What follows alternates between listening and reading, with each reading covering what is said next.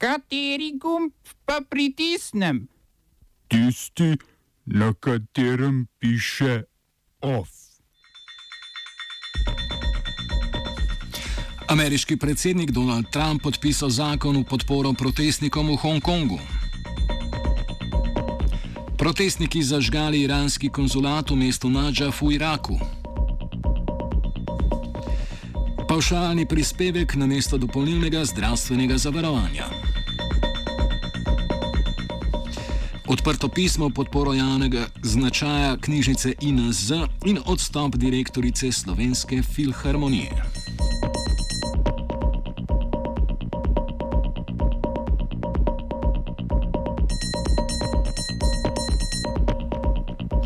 Ameriški predsednik Donald Trump je podpisal zakon v podporo protestnikom v Hongkongu. Ta od ameriškega zunanjega ministrstva zahteva vsakoletni pregled, ali Hongkong še uživa zadostno avtonomijo, da lahko ohrani poseben trgovinski status ZDA.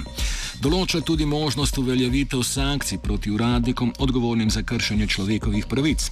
Trump je podpisal tudi zakon, ki prepoveduje izvoz policijske opreme, kot so gumijasti naboji in sozivec v Hongkong. Kitajska je ZDA obtožila zlobnih naklepov in se pripravlja na sprejem proti ukrepov, katerih vsebina še ni jasna. Podpis obeh zakonov izjemno obžalujejo tudi oblasti v Hongkongu. Trgovinska menjava med ZDA in Hongkongom je v letu 2018 znašala okrog 61 eh, milijard evrov. Presežek ZDA je znašal nekaj več kot 33 milijard evrov, kar je več kot pri trgovanju s katerokoli drugo državo. Poleg tega živi v Hongkongu 85 tisoč ameriških državljanov in tam posluje okoli 1300 ameriških podjetij. Nobenega dvoma torej ni, komu je ohranitev posebnega trgovinskega statusa v večjem interesu.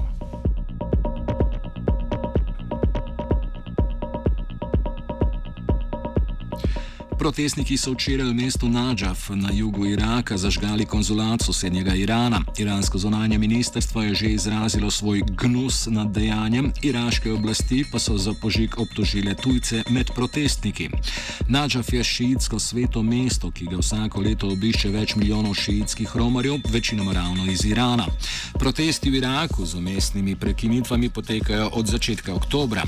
Zahteve protestnikov so predvsem reforma političnega sistema, boljše javne storitve in službe ter popolna zamenjava oblasti.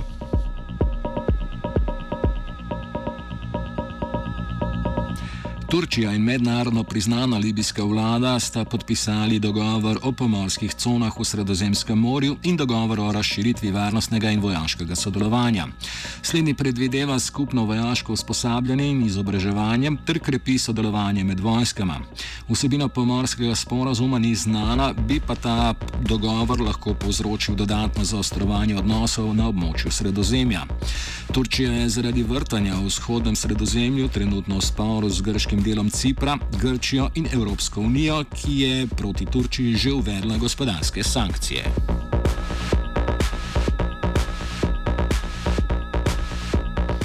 Evropski parlament je razglasil izredne podnebne razmere. Poslanci so s 429 glasovi za in 225 proti sprejeli resolucijo o razglasitvi izrednih podnebnih in okoljskih razmer v Evropi in po svetu.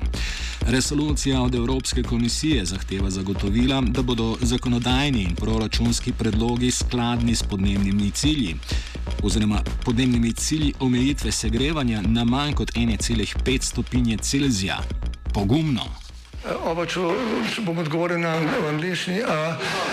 Slovenija bo poskušala pomagati. Slovenija bo naredila naš utmost, da bo rekla, da je situacija naš problem, naš sebe. In bomo naredili nadaljnje korake, as soon as the conditions are. Bomo vlado Marjana Cererja, Marjana Cererja Šarca podprli. Very, very serious. News from Slovenija. We know how and we will.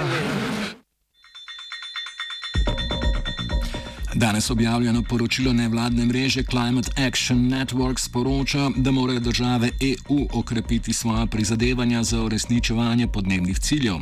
Član mreže je tudi društvo Focus, katerega sodelavec Stan Zavodnik pojasni, kaj so raziskovali. V bistvu smo skupaj še z 21 državami pripravili poročilo, v katerem smo želeli analizirati kako so se glede na poročila, ki jih je podala uh, komisija, um, spreminjali nepni do danes.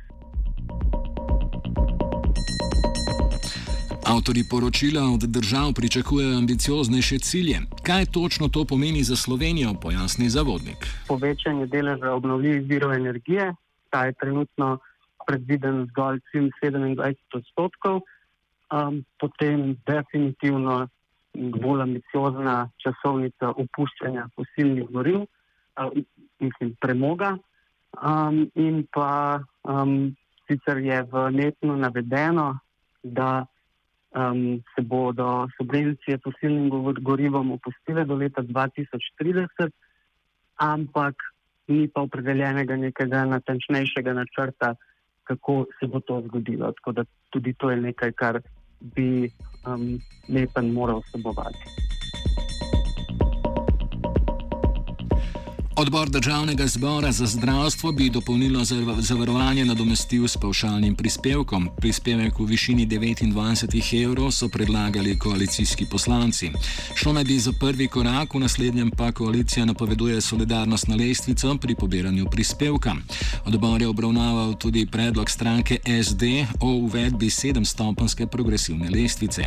Višina mesečne dejatve bi znašala od 10 do 150 evrov in bi bila odvisna od višine višine dohodkov. Predlog ni bil sprejet. Osnovni predlog stranke Levica je sicer predvideval ukinitev dopolnilnega zdravstvenega zavarovanja in uvedbo prispevka na kapitalske dohodke po stopni 7,36 odstotka ter obenem povečanje prispevkov za obvezno zavarovanje. Po odločitvi odbora je možnost odstopa namignil minister za zdravje Aleš Šabeder. Več o tem v današnjem terminalu ob 16.